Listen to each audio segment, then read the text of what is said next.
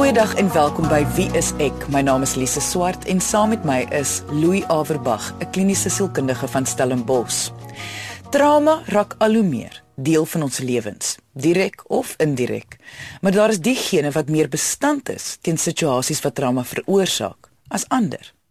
In Engels noem hulle dit resilience. Ongelukkig is daar nog nie 'n goeie alternatiewe woord in Afrikaans gevind nie. So ons praat van emosionele of sielkundige veerkragtigheid. Aanvanklik het mense geglo jy word met hierdie veerkragtigheid gebore, maar die navorsing het bewys dat mense wat nie van nature sielkundige veerkragtigheid het nie, kan dit wel aanleer. Maar kom ons kom terug na waaroor ons vandag gaan gesels. Ons gaan kyk na trauma aan die hand van mishandeling in veral 'n huwelik. Die verwerking van die trauma. Ons gaan ook kyk na hierdie sogenaamde emosionele veerkragtigheid en hoe mens dit kan aanleer. Alles aan die hand van ons gas se storie. Ons noem haar Susan. Ons het haar naam verander en haar stem verander om haar identiteit te beskerm.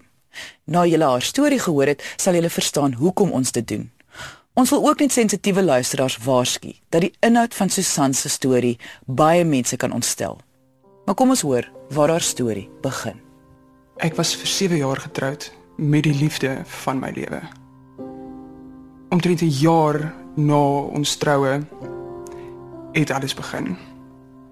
Die hare pluk, my so geslaan, hy het twee keer my ribbes gebreek. Ek was geskop, gewurg. Hy het my dikwels vasgebind sodat my verder kon slaan. My kakebeen was gebreek op 'n stadium. Hy het ook al my neus gekraak. Kom ons stop net die storie vir eers daar. Louis, hier hoor ons hoe sy deur haar man erg mishandel is vir jare. Nou die eeueoue vraag is altyd, hoekom het sy so lank by hom gebly? Ek bedoel, hoe regverdig iemand vir so lank die keuse om die mishandeling te verduur? Daar's altyd twee kante van hierdie saak. En die een kant is presies soos wat jy sê. Hoe verklaar jy dat iemand vir soveel jare mishandel word en jy bly maar net daar? In 'n mate dan moet mens dan ten minste die opsie oorweeg dat dit darm jou eie keuse ook was. Aan die ander kant is dit ook nie altyd so maklik nie. Afgesien van die gewone faktore wat dit altyd moeilik maak soos emosionele faktore, praktiese faktore, jy weet waar sal sy nou gaan.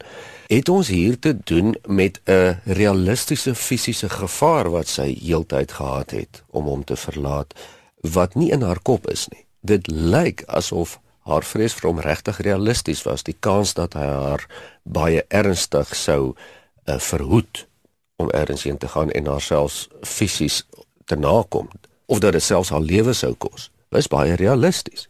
Is dit wat 'n mens slagoffersindroom sou noem? Jy sien as gevolg hiervan is dit sal dit in 'n mate miskien so wees, maar ek glo in 'n groter mate nie. 'n Slagoffersindroom sou impliseer dat mens eintlik kies om daai rol van slagoffer heeltyd in te neem.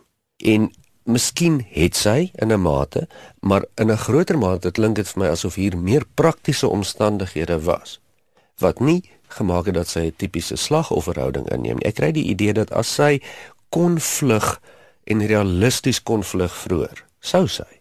Onthou die term slagoffersindroom is beskryf net 'n proses wat gebeur. Dis nie iets wat binne in jou sit of iets wat jy het of onderlede het nie. En dit dui gewoonlik aan soos wat ons nou net gesê het, hoe mense later begin slagoffer speel, selfs al is dit nie regtig objektief nodig nie. Daar is 'n verskil tussen iemand wat gereeld aangerand word deur haar man eenmal 'n maand, maar intussen tyd het sy al verskeie kere verby die polisiekantoor gery op pad inkopies toe en dit nooit aangemeld nie. Daar kan mens bietjie praat van 'n slagoffersindroom. Maar in hierdie geval voel dit vir my sy was objektief 'n slagoffer. Sy het dit nie so gespeel of die rol aanvaar nie. Die rol is met ander woorde vir haar gekies. Ja, en dit is baie baie moeilik vir haar gemaak om daar uit te kom. Aanvanklik was dit vir my 'n skok geweest. En mettertyd het ek net ek kan nie vir jou sê hoekom ek net daar bly het nie en en dit net so aanvaar het dat dit is hoe dit is met my nie. Hy het my lewe gedreig. Dikwels geweer teen my kop gehou en so my gedwing om seks te hê met hom. Ehm um, met ander woorde, hy het my verkrag. Hy het my ook 'n paar keer met 'n mes gesny as hy nie vinnig genoeg by sy geweer kon uitkom nie, sou hy net 'n mes gryp. So hierdie vrou is nie net mishandel nie, maar ook seksueel mishandel, met ander woorde verkrag deur haar eie man. Daar is baie mense wat glo dat onmoontlik is om verkragt te word deur jou huweliksmaat. Nee is tog nee, maak nie saak wat die omstandighede is nie. Dis nie eens 'n bespreking werd nie, want dit is mos nou totale nonsens. Ons is nie in die middeleeue nie. So eh, die ding van ons is getroud, so jy moet met my seks hê. Dis mos 'n totale belaglike konsep. En natuurlik kan verkrachting binne die huwelik plaasvind en dit gebeur baie. Duidelik het hierdie man dit geniet om sy vrou te mishandel. Hoe? Hoe kry iemand dit reg om dit te geniet om iemand te mishandel? Dit lyk vir my ook so en dan praat ons van wat jy noem sadisme.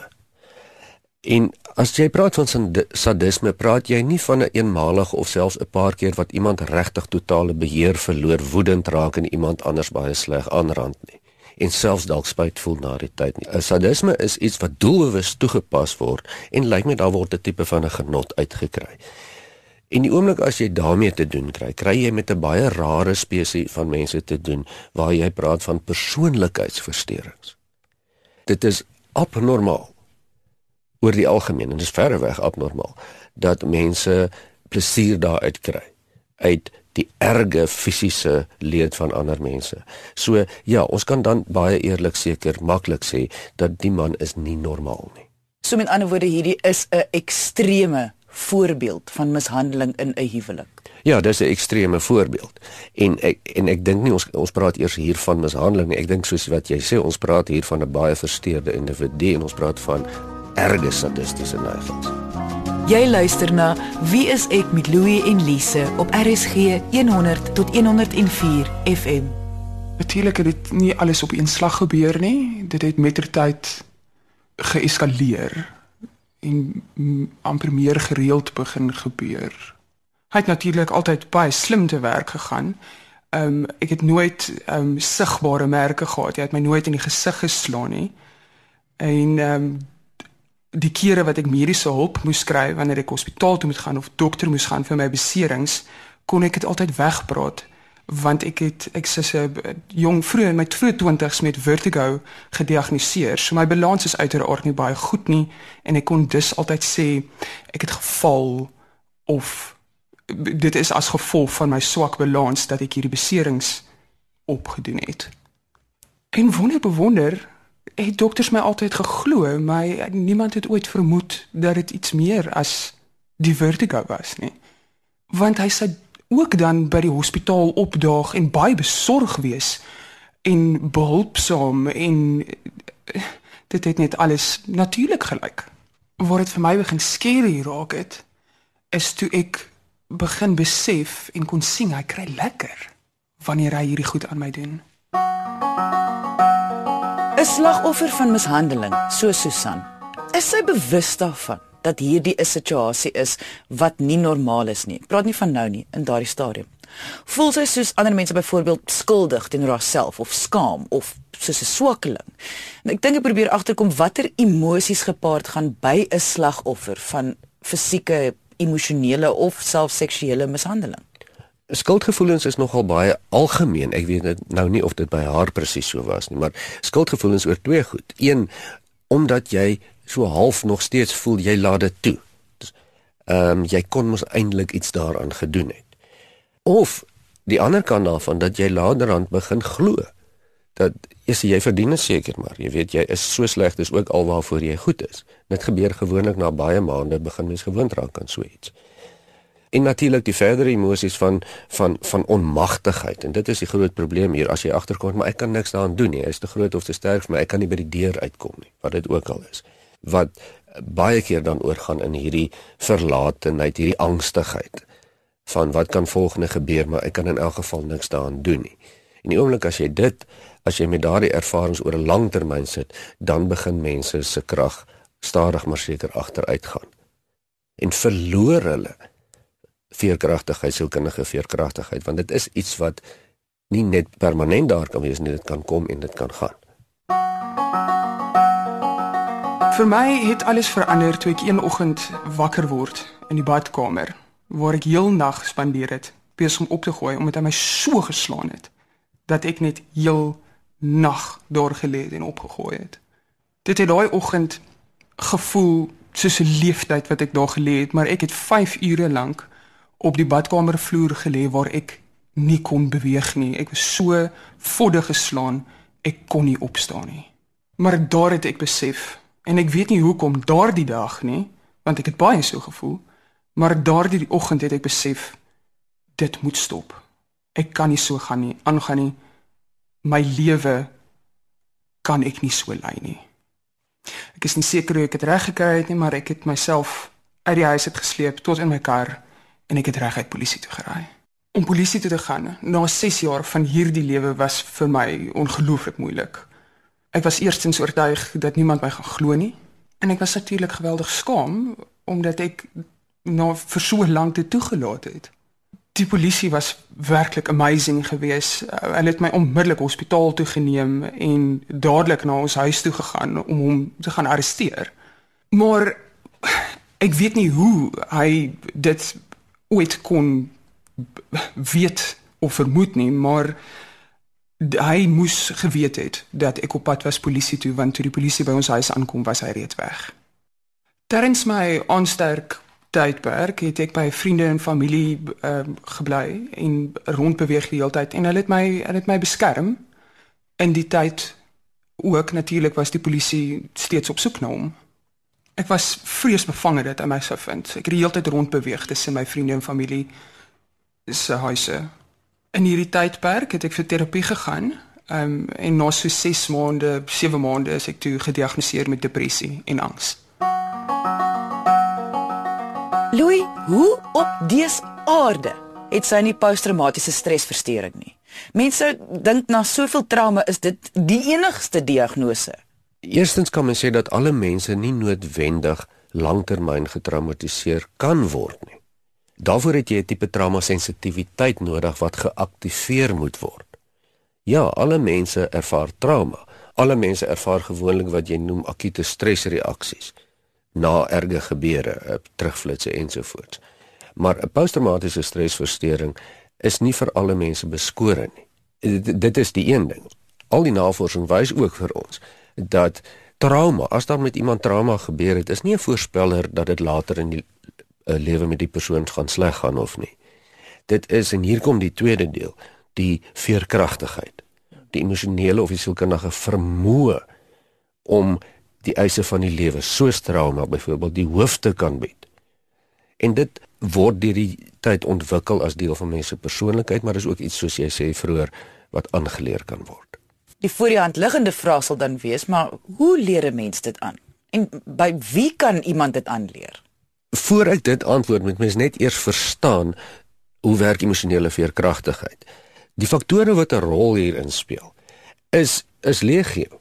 Eerstens baie keer soos die lewe ontwikkel, hoe jou persoonlikheid ontwikkel. Baie keer is dit maar net geluk. Baie keer het dan nog niks slegs met jou gebeur nie. En dan weet jy nie as jy verkeerkragtig of nie op hierdie geval. Dit kan verander met tyd. Maar die kern van uh, sielkundige of emosionele veerkragtigheid het te doen met wat mens noem locus van kontrole. Is jou ervaring dat jy daarom beheer kan uitoefen oor jou eie lot? of is jou ervaring dat jy uitgelewer is in die genade van die buitewêreld? En dis die kern van kern hiervan. Nou as mens dink aan aanleer, dan is daar drie vlakke wat mens in ag moet neem as jy dink aan hoe die eise van die wêreld die hoof gebied kan word. Dis op 'n gevoelsvlak, 'n denkevlak en 'n gedragsvlak. Die gevoelsvlak is waar die probleem inkom. Ons kan nie help hoe ons voel nie. Trauma laat ons op 'n sekere manier voel. Ons kan nie veel daaraan doen nie. Dit gaan ook later verby of dit verander. Wat ons baie aan kan doen is aan hoe ons dink en hoe ons optree. So geweldig baie van die insette rondom die aanleer van sielkundige veerkragtigheid het te doen met hoe om jou denkpatrone te verander, hoe om jou taal byvoorbeeld te verander in plaas van te praat van 'n fiasco te praat van 'n terugslag. En ook natuurlik ander gedrag wat jy aanleer. Letterlik soos 'n robot wat dan later aan outomaties word, soos wat mens leer om 'n motorkar te bestuur. En dit is die veld van die gedragswetenskaplikes, maar so jou jou sielkundiges en en en nie almal, nie alle sielkundiges nie. Maar sielkundiges wat veral hulle hiermee bemoei, is by uitstek die mense om hierdie vaardighede by aan te leer en ons praat nou ook van mense wat meer spesialiseer in die vlak van wat jy noem rasioneel emotiewe terapie, gedragsterapie of dialektiese gedragsterapie. Dis allerlei verskillende benaderings in die sielkunde. Maar dit is die mense wat jou kan help om dit aan te leer. Dis nou 4 jaar later en niemand het nog ooit weer my man gesien of van hom gehoor nie. Ek het hom een keer buite in familielid se huis sien staan. En ek besef toe my lewe is in gevaar. Ek het die polisie gebel natuurlik. Maar ook ek ek moes weggaan. Ek het my naam verander en ek het ver weg gegaan. Ek het 4 jaar laas enige kontak met my familie of my vriende gehad. Want ek is bang hy hou dit dop om by my te probeer uitkom. Ek lewe nou baie geïsoleer van almal. Hy het my ook geïsoleer, maar maar dis nou my keuse.